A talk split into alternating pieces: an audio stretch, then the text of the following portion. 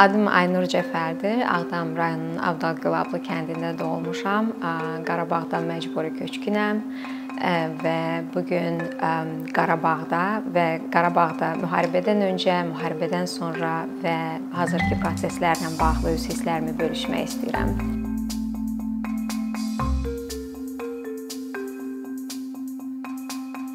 Qarabağla bağlı ilk olaraq e, müharibədən öncəki xatirələrimi paylaşmaq istəyirəm. E, Qarabağ e, Ağdam özəlliklə və onun Gülablı kəndi mənim üçün dünyada ən müqəddəs, ən təmiz, ən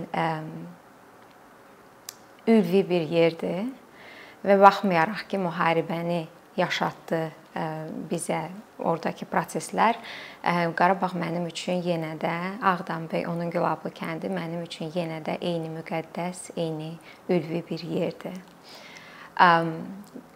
Müharibədən öncəki Ağdamı xatırlayanda mən heç bir tərəddüdsüz deyə bilərəm ki, mənim həyatımın ən qayğısız illəridir o illər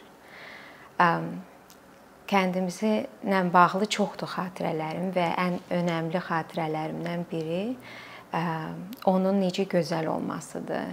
Qarabağ mənim yaddaşımda yamyaşıl, cənnət kimi, havası gözəl, suyu tərtəmiz, buz kimi və insanları çox mehriban. Belə bir yer kimi xatırlayıram Ağdamı və onun Gülablı kəndini, bizim kəndimizi. Mən uşaqlıqdan e, belə e, çox e, hər şeyə maraq göstərən biri idim və gəzməyə çox gəzməyi çox sevirdim. Və ən əsas xatirələrimdən biri xüsusilə yay aylarında mən kəndimizin ortasında gəzirdim. Düşürdüm kəndin aralığında, aralıq küçələrdə gəzirdim.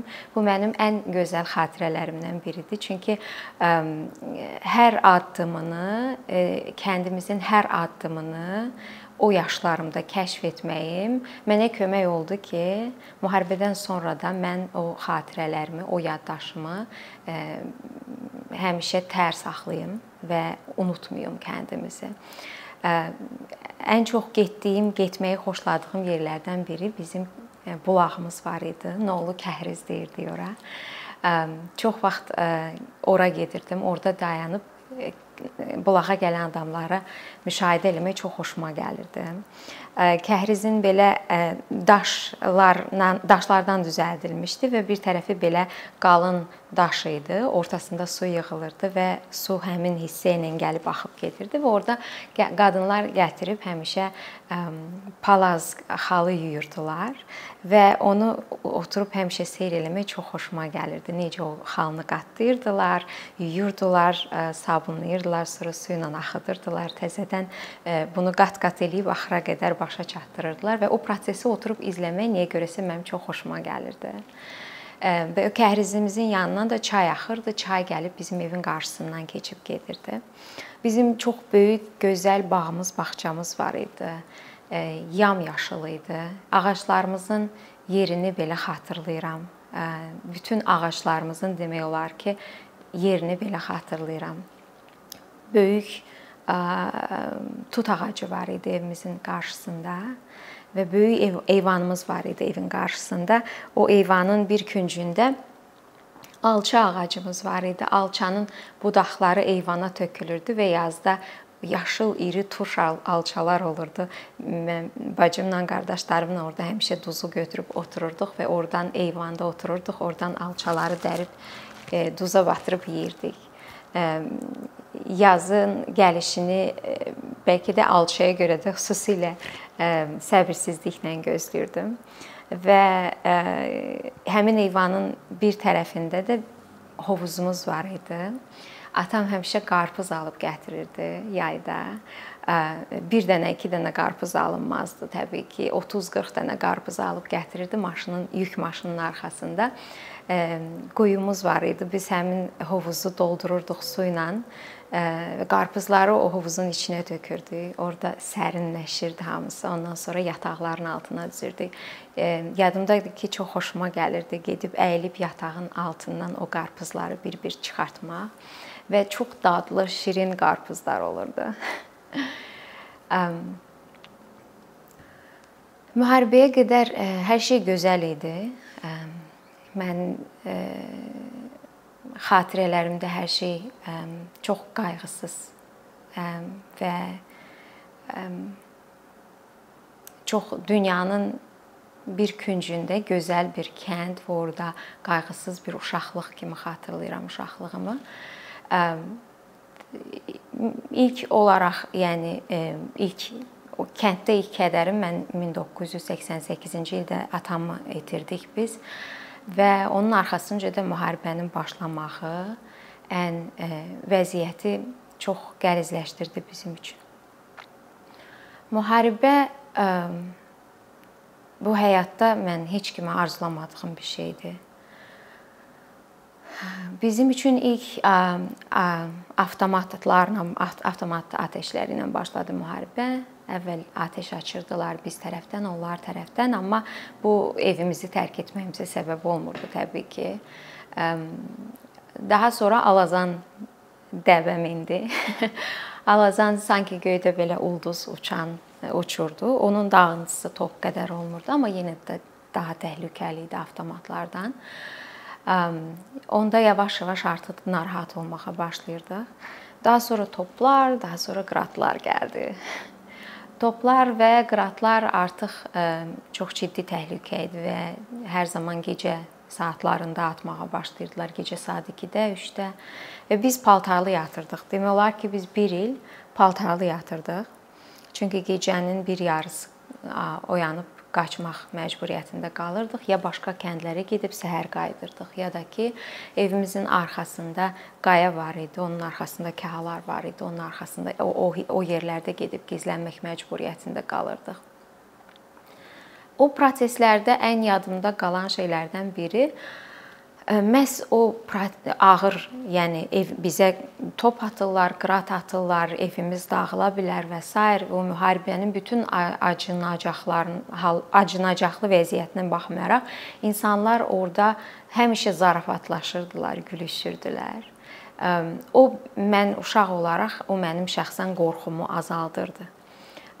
Mən indi düşünəndə fikirləşirəm ki, yəqin ki, insanlar bunu sanki həyatın normallıqlarını, normal həyatın nədən ibarət olduğunu unutmamaq üçün edirdilər. Həyatda qalmaq üçün eləyirdilər yəqin ki. Və bu şəxsən mənə bir uşaq olaraq çox kömək eləyirdi. Amma yəni bu çox qorxunc müharibənin ən dəhşətli tərəfi ondadır ki, müharibə ən anormal şeyləri normallaşdırır. Məsələn, biz topların altında məktəbə gedirdik. Bu çox qorxulu bir proses idi. Bunu eləmək çox qorxulu bir, riskli bir hərəkət idi, amma biz məktəbə getməkdən qalmırdıq. O dərsin ortasında bir də görürdünüz toplar atılırdı, biz təzədən çıxıb evə gəlməyə məcbur olurduq. Amma yenə də o həyata azca da olsa normallıq qatan hərəkətləri, hadisələri etməyə çalışırdıq. Amma e, xüsusilə gecələr toplar atılanda mənim reaksiyam, mən sanki indi düşünəndə, hisslərimi xatırlayanda qorxmurdum sanki, amma qorxumu fərqli reaksiya ilə göstərirdim. Mən gecə toplar atılmağa, qratlar atılmağa başlayanda mənim ayağım tutulurdu. Mən bir yerdə durduğum yerdə qalırdım, hərəkət eləyə bilmirdim. Və e, mənim qardaşımın missiyası həmişə gəlib məni qucağında daşımaq idi. Və e, biz maşınlara bizim e, qonşumuz var idi, Afan əmi, Əhliman əmi. Onlar atamın da dostları idilər. Bilirdilər ki, bizim evdə maşın yoxdur. Onlar öz uşaqlarını götürəndən sonra, ailələrini götürəndən sonra həmin gəlib birinci bizi götürürdülər və təbii ki, işıqları, maşının işıqlarını yandırmırdılar. Çünki hədəf almaq çox asan olurdu və biz o şəkildə gecə qaçıb gedirdik. Hansısa başqa bir kənddə ya maşında otururduq, ya kiminsə evində kimsə qapılarını açırdı, orada qalırdıq. Və biz bu şəkildə təxminən 1 il yarım, 2 ilə yaxın bu vəziyyətdə yaşadıq. Biz o qədər gecələr paltarlı yatırdıq ki, daha sonra işğaldan sonra biz Bakıya köçəndə Mən paltarlı yatmağa israr elirdim. Anam çox çalışırdı ki, mən pijamalarımı geyinim, amma mən yorğan əlimə, ayağıma dəyəndə narahat olurdum, çünki paltarlı yatmağa alışmışdım uzun müddət. Bu da əslində o müharibənin yaratdığı anormallıqlardan biri idi və buna alışmaq da sonradan hər normala alışmaq kimi vaxt apardı. Və hər normala da alışdıqmı heç onu da ondan da əmin deyiləm.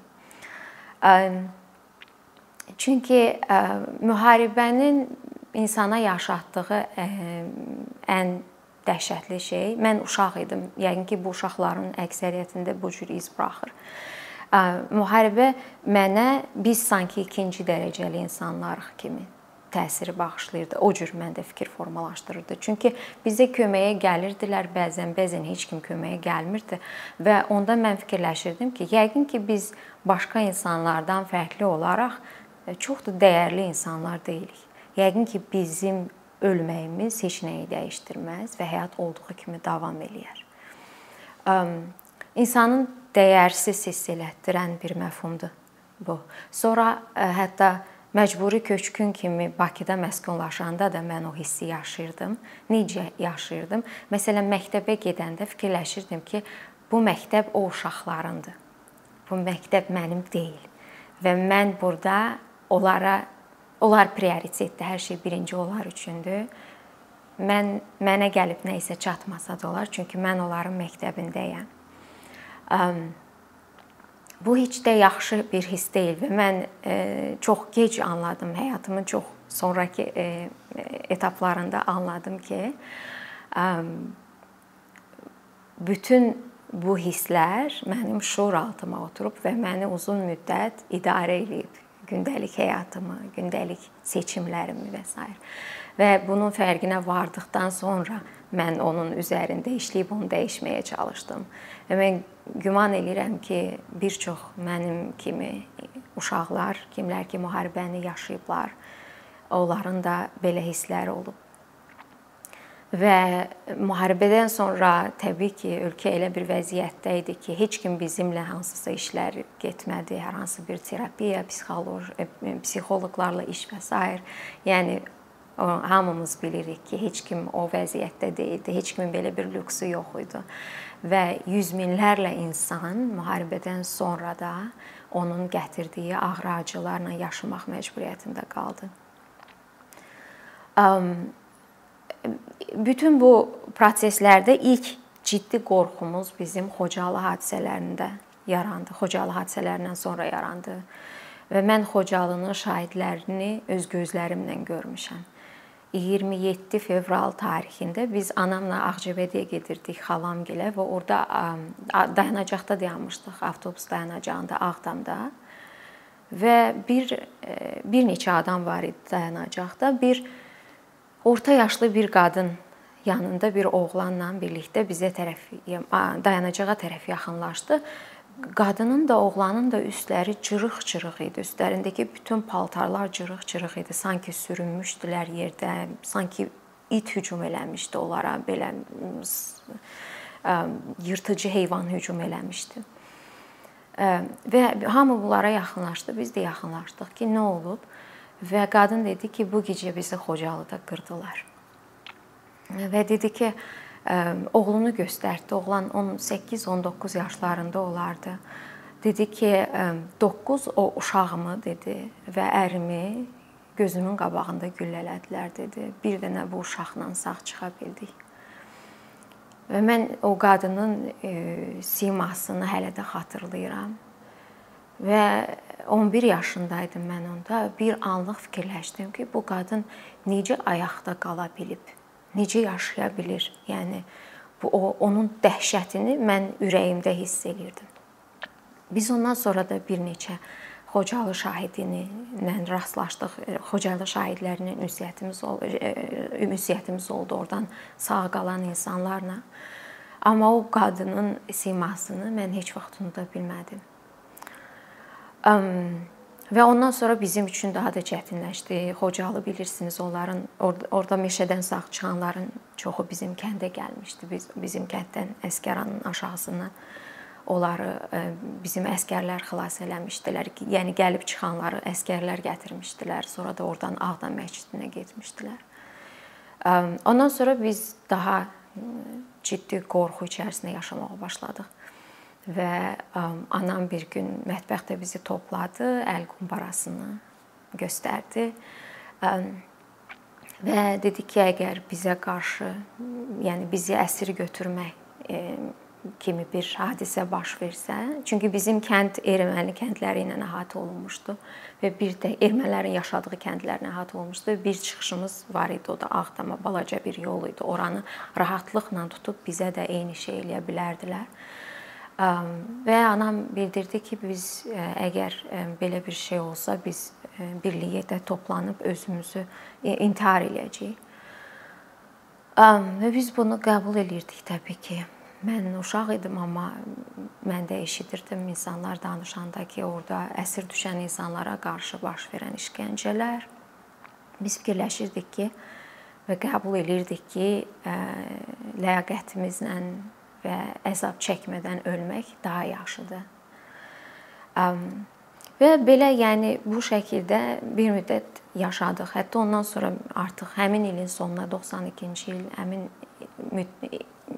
müddəti bir sürə yaşadıq belə qorxu içində. Sonra bir gün əmim gəlmişdi və anam məni və bacımı dilə tutdu ki, biz Bakıya gedək əmimlə. Mən getmək istədim, çünki çox yorulmuşdum yəqin ki. Bacım getmək istəmirdi, amma məcbur olduq, getdik. Və nəticədə qərar verdik ki, yəni biz əmimlə gedək, bacımla mən əmimlə getməyə razılıq verdik. Bizim evin qapısı, darvazası yox idi, açıq, açıq idi. və elə biraz aşağı yolla düşürdünüz və qalxırdınız, oradan dayanacağa gedirdik. Anam bizi yola saldı əmimlə və biz o yolu endik. Mən çöndüm, arxama baxdım.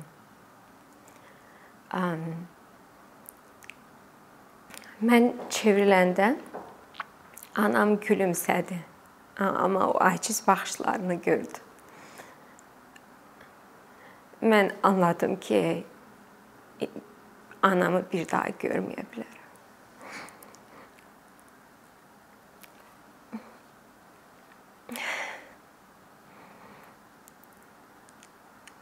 Mən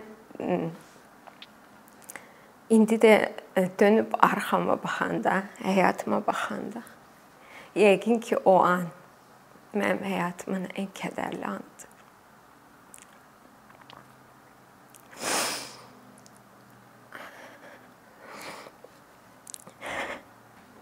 Biz Bakıda bir ay qaldıq. Sonra anam gəldi, bizi görməyə gəlmişdi.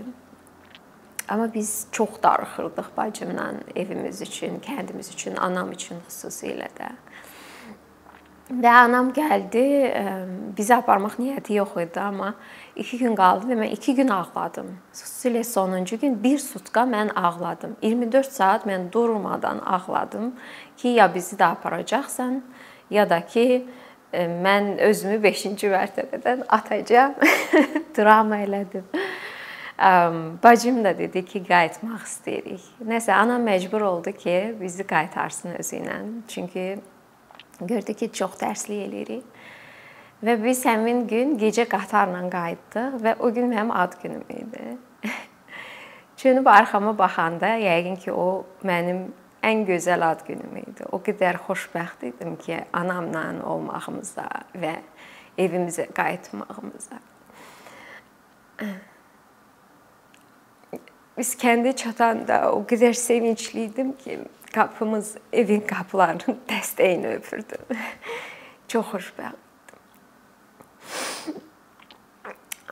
Ondan sonra bir neçə ay qaldıq və amma tez-tez gedirdik. Artıq 2 gün, 3 gün qalıb qayıdırdıq filan. Bir gündə yenə çox belə çox dəhşətli atəşlər, atəş etməyə başladılar heç durmadan. Toplar atırdılar, qıratlar atırdılar və bibimin yoldaşının kranı var idi. Biz hardasa bir 10 nəfər o kranın kabinkasına e, yerləşdik. Yenə danışa gülə getdik, çünki ümidli idik ki, qayıdacağıq yenə bu da növbəti e, növbəti ə, hadisələrdən biridir. Amma getdik, ondan sonra qayıtmaq, qayıda bilmədik. Yəni ondan o sonuncu çıxışımız oldu kənddən. Ondan sonra işğal elədilər. Və təbii ki, bu çox ağrılı idi. Mənim anam çox nikbin qadın idi və həmişə çalışırdı onu necəsə zarafata salsın. Deyirdi ki, ev, eşik heç birisindən çox pis olmuram, amma evimizin podvalında e, anamın tutma turşuları var idi. Həmişə onu zarafat edirdi. Deyirdi ki, o tut, tut, tut, o tutma turşular məni çox yandırır. İndi ermənilər yeyib deyir ki, qəşəng düzəldib xanım. Həmişə onu zarafat edirdi və biz ondan sonra Bakıya köçdük. Bakıda e, əlimizdəki pulla biraz da qohumlarımız kömək elədi. Biz Sabunçuda köhnə bir binada 2 otaqlı, iç-içə 2 otaqlı heç bir şəraiti olmayan bir ev evə köçdük. Çox köhnə ev idi. Yəni bizim ev e, kənddəki çox böyük, bağlı, bağçalı, gözəl evimiz var idi. Və iki otaqda güclə, yəni o evdə biz 11 il yaşadıq və o evdə biz heç vaxt tarakanların kökünü kəsə bilmədik. O qədər pis, şəraitsiz, köhnə bir ev idi ki və buna alışmaq təbii ki, çox çətin idi bizim üçün. Bəlkə də şəhərlər fikirləşirdilər ki, biz kənddən gəlmişik, belə də şəhər mədəniyyətinə alışqın deyilik. Təbii ki, kəndin öz mədəniyyəti var, şəhərin öz mədəniyyəti. Amma mənim üçün Bakı mədəni şok idi. Mən başa düşə bilmədim, bilmirdim ki, yəni niyə insanların suyu evinə gəlməsin və yaxud da ki, necə ola bilər ki, insanın işığı və yaxud da ki, qazı saatla iş olsun və ən böyük mədəni şokum da mənim məktəb idi. Bizim kənddə çox gözəl məktəbimiz var. Məktəbin videoları da yayıldı bu yaxınlarda. Məktəbimizə dəyməyiblər. Amma Bakıda, yəni bizim o vaxt Macintosh kompüter otağımız var idi. Ədəbiyyat otağı, fizika laboratoriyaları, kimya laboratoriyaları biz hər dərsə görə sinif dəyişirdik. Bakıda isə bir sinifdə otururduq, müəllimlər gəl dəyişirdi, gəlib gedirdilər və çox şəraitsiz. Mən o Bakı məktəbindəki o yer yeri silirdilər, sinif otaqlarını solyarka ilə silirdilər. Onun qoxusu yəni kanalizasiya qoxusu, onların hamısı mənə hər dəfə kəndimizi 2 qat darıxmağıma səbəb olurdu. Yəni məcburi köçkün həyatı çox çətin bir həyatdır. Yenə də o sizə bayaq söylədiyim özünüzü dəyərsiz hiss elətdirmək. Çox kasıblıq yaşamaq, çox yəni o çox ağrılı travmalar var və Biz çox vaxt yaşamaq üçün, ayaqda qala bilmək üçün çalışırdıq ki, xatırlamayaq çox şeyi, unutmağa çalışırdıq və mən ömür boyu necə onu unutmağa çalışdığımı bu 44 günlük müharibə ərzində başa düşdüm. O travmaların hamısı bir-bir açılmağa başladı və unutmağa çalışdığım şeylər, unutduğum sandığım şeylər əslində beynimin bir köşəsində şuur altında qaldığını hiss elədim. Onlar yavaş-yavaş açılmağa başladı. Bir tərəfdən yaxşı oldu ki, onları etiraf eləyib, onun acısını tək təkrar yaşayıb və həyatına davam eləmək, biraz da özünüzü sağaltmaq deməkdir. Bu baxımdan yəni ingilis dilində bir söz var, closure, bir səhifənin bağlanması mənim üçün şəxsən bir o səhifə açıq idi və bu proseslərdə sanki o səhifə qapandı. O səhifə qapandı.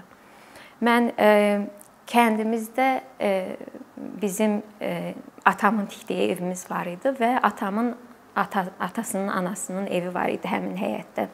Nənəm yaşayırdı orada.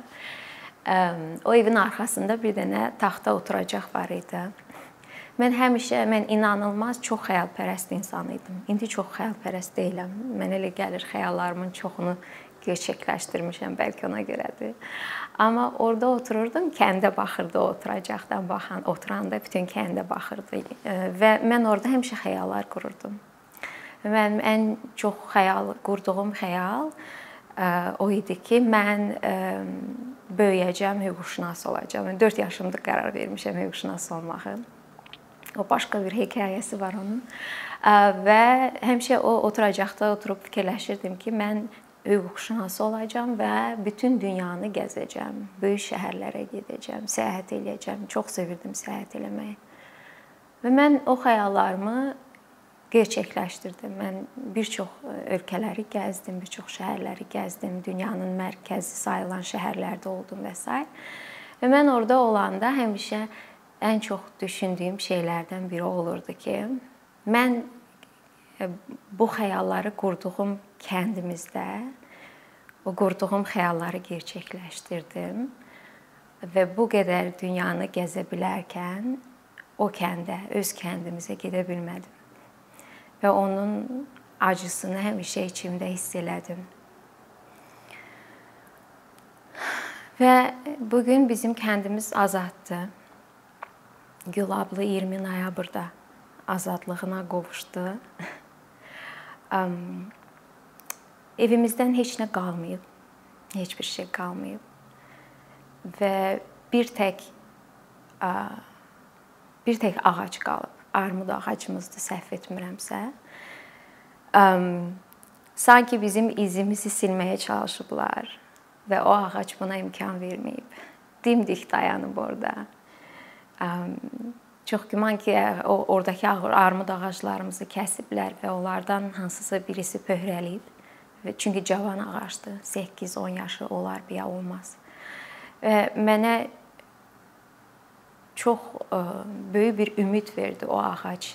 Və mən onun e, o ağacın adını Ümid ağacı qoymuşam və Ümid ağacı adlı bir layihə fikirləşmişəm. Dostlarımla da bunu paylaşmışam, onların da dəstəyini qazanmışam. Mən kəndimizdə artıq hər şey icazə veriləndən sonra kəndə getməyə 1000 ağac alacağıq biz dostlarımızla və kəndimizdə əkəcəyik. O min ağac bir ağacdan doğan ümid olacaq mənim üçün. Bizim hamımız üçün.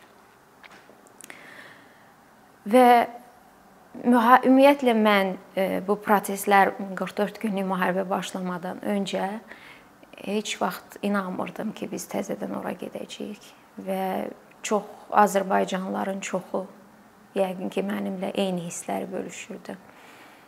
Müharibə olacağı mənim heç vaxt ağlıma gəlməzdi. Amma müharibə olmağını istəyirdimmi? Bundan da əmin deyiləm. Çünki müharibəni yaşamış birisi olaraq onun dəhşətlərini görmüş birisi olaraq bunu heç kimə arzulamaram. Ona görə mən ə, e, müharibə başlayanda da tamam artıq proseslər onu göstərirdi ki, biz sülhlə o torpaqları ala bilməyəcəyik. Və mən fikirləşirdim ki, Yəni yəqin ki, belə də bu status quo qorunacaq. Ondan sonra da yəqin ki, nə vaxtsa bizə nəyəsə imza atdırmağa, atmağa məcbur eləyəcəklər. Ona görə müharibə mənim üçün çox böyük sürpriz oldu. İlk bir neçə günü də fikirləşirdim ki, yəqin ki, bu gün bitər, sabah bitər. Artıq yavaş-yavaş torpaqlar işğaldan azad olunduqca bunun ciddiyyətinə daha çox anlamağa başladım. Və mən e, o birinci müharibəni yaşayıb ailə üzvlərini itirən, yəni biz tamam köhnə bir evdə yaşayırdıq Bakıda, amma çoxlu insanlar e, tələbə yataqxanalarında 10 illərlə yaşadılar. E, çadırlarda yaşadılar. Onlar evlərinə getmək istəyirdilər və müharibəni istəyirdilər. Onların içərisində çoxlu insanlar var idi, müharibəni istəyirdilər. Mən onların siz müharibə istəməyin, Yəni onlara qınaya bilərdimmi? Qınaya bilməzdim, çünki onların hisslərini də başa düşürəm. Onları mühakimə eləmək haqqım yoxdur. Amma bir insanın həyatını itirməyə hələ mən minləri nəzər deyə bilmirəm. Yəni bir insanın həyatını belə it itməsi e, çox böyük bir faciədir. Ona görə mənim üçün çox böyük dilemma idi bu proses başlayanda. Mən biz torpaqlarımızı almaq üçün bu müharibəni davam etməliyik, yoxsa insanların həyatını xilas olsun deyə bunu dayandırmalıyıq. Mən heç heç cür qərar verə bilmədim hansı hansı, yəni hansının tərəfində dayananlar daha haqlıdılar. Hər ikisi haqlı idi məncə. Və bu gün də fikirləşəndə ki, yəni bizim torpaqlarımız qayıdıb, mənim kəndim işğaldan xilas olub 27 ildən sonra. Amma yenə də fikirləşəndə ki, bu qədər insan həyatını itirdi, onu dərindən o sevinci yaşamaq mənim üçün çox çətindir. 44 günlük müharibə mənim üçün, yəni Azərbaycan tarixində həqiqətən də bizim ləyaqətimizi təkrar bizə qaytaran, bizim qürurumuzu bizə qaytaran hadisə idi və Azərbaycan əskəri, Azərbaycan ordusu inanılmaz bir şücaət göstərdi. Və həyatını itirənlər, sağlamlığını itirən insanlarımız üçün bizim indi ən böyük borcumuz daha yaxşı ölkə qurmaqdır. Daha yaxşı Azərbaycan qurmaqdır və bu qələbəni tam başa çatdırmaq, yaşamaq üçün çoxlu işlərin görülməsi bundan sonra ən böyük öhdəliyimiz bundan sonra başlayır. İstər ölkənin daxilində yaşayanlar, istər ölkənin xaricində yaşayanlar. Azərbaycan çox ciddi islahatlar həyata keçirməlidir. Bu qələbənin sonuna qədər gedib ona nail olmaq üçün istər iqtisadi sahədə, istər siyasi sahədə, istər insan hüquqları sahəsində ciddi islahatların həyata keçirilməsi vacibdir. Və mənim xüsusilə toxunmaq istədiyim məsələlərdən biri də yəni Biz məğlubiyyəti yaşadıq və bunu məğrur yaşadıq. Biz heç vaxt ağlamadıq, biz heç vaxt özümüzü yazıq kimi aparmadıq. Və mənim ən böyük arzum odur ki, biz bir millət olaraq, bir xalq olaraq, ölkə olaraq biz o qələbəni də məğrur yaşayaq. Biz heç cür imkan verməməliyik ki, ya özümüz ya da uşaqlarımız nifrətlə zəhərləsinlər nifrətlə zəhərlənənlərin sonunu gördük. Bizə bu qətiyyən lazım deyil. Biz həmişə ehtiyatlı olmalıyıq. Çünki tarix boyu bizə bu xəyanət bir neçə dəfə olub. Biz həmişə ehtiyatlı olmalıyıq, diqqətli olmalıyıq, amma nifrəti də özümüzə yaxın buraxmamalıyıq. Biz daha gözəl bir ölkə, daha güclü bir ölkə, daha iqtisadi, siyasi rifahı yaxşı olan bir ölkə qurmalıyıq və Qarabağda, Yuxarı Qarabağda yaşayan ermənilərə də o mesajı verməliyik ki, siz burada təhlükəsiz yaşaya bilərsiniz. Mən inanıram ki, biz yenə də birlikdə yaşaya bilərik. Və Azərbaycanlığın ərazi bütövlüyü çərçivəsində birlikdə yaşaya bilərik. Mən biz Qarabağdan köçəndə Bakıda o köhnə evdə məskunlaşanda bizim qonşumuz, qapı qonşumuz erməni qadın idi. Yaşlı, kimsəsiz qadın idi. Baxmayaraq ki, biz çox kasıb idik Biz hər dəfə yeməyimiz e, çox olanda mənim anam o qadına pay verirdi. Mən bir dəfə soruşdum ki, niyə düşməni yedizdirir anam? Anam mənə çox acıqlandı və tənbihlədi məni. E, dedi ki, onun o sənə şəxsi bir pislik eləməyib, səni düşmən deyəsən ona bir. İkincisi də ki, insanları e, hansısa etnik mənsubiyyətinə görə düşmən adlandırmaq yanlışdır mənim üçün həyatımda aldığım ən gözəl dərsdir. Və o dərs mənə heç vaxt imkan vermədi ki, mən nifrəti özümə yaxın buraxım. Mən heç kimə nifrət etmirəm, nifrət eləmək istəmirəm. Çünki bu çox iyrənc bir hissdir. Çox gərəksiz, lazımsız, insanı bədbəxt edən bir hissdir. Mən istəyirəm ki, bizim xalqımız da bu nifrətdən uzaq olsun. Mən sevginin qalib gələcəyinə inanıram. Və mən inanıram ki, biz daha gözəl Azərbaycanın ərazi bütövlüyü çərçivəsində e, birlikdə və rahat yaşaya bilərik. Və mən bunu istəyirəm.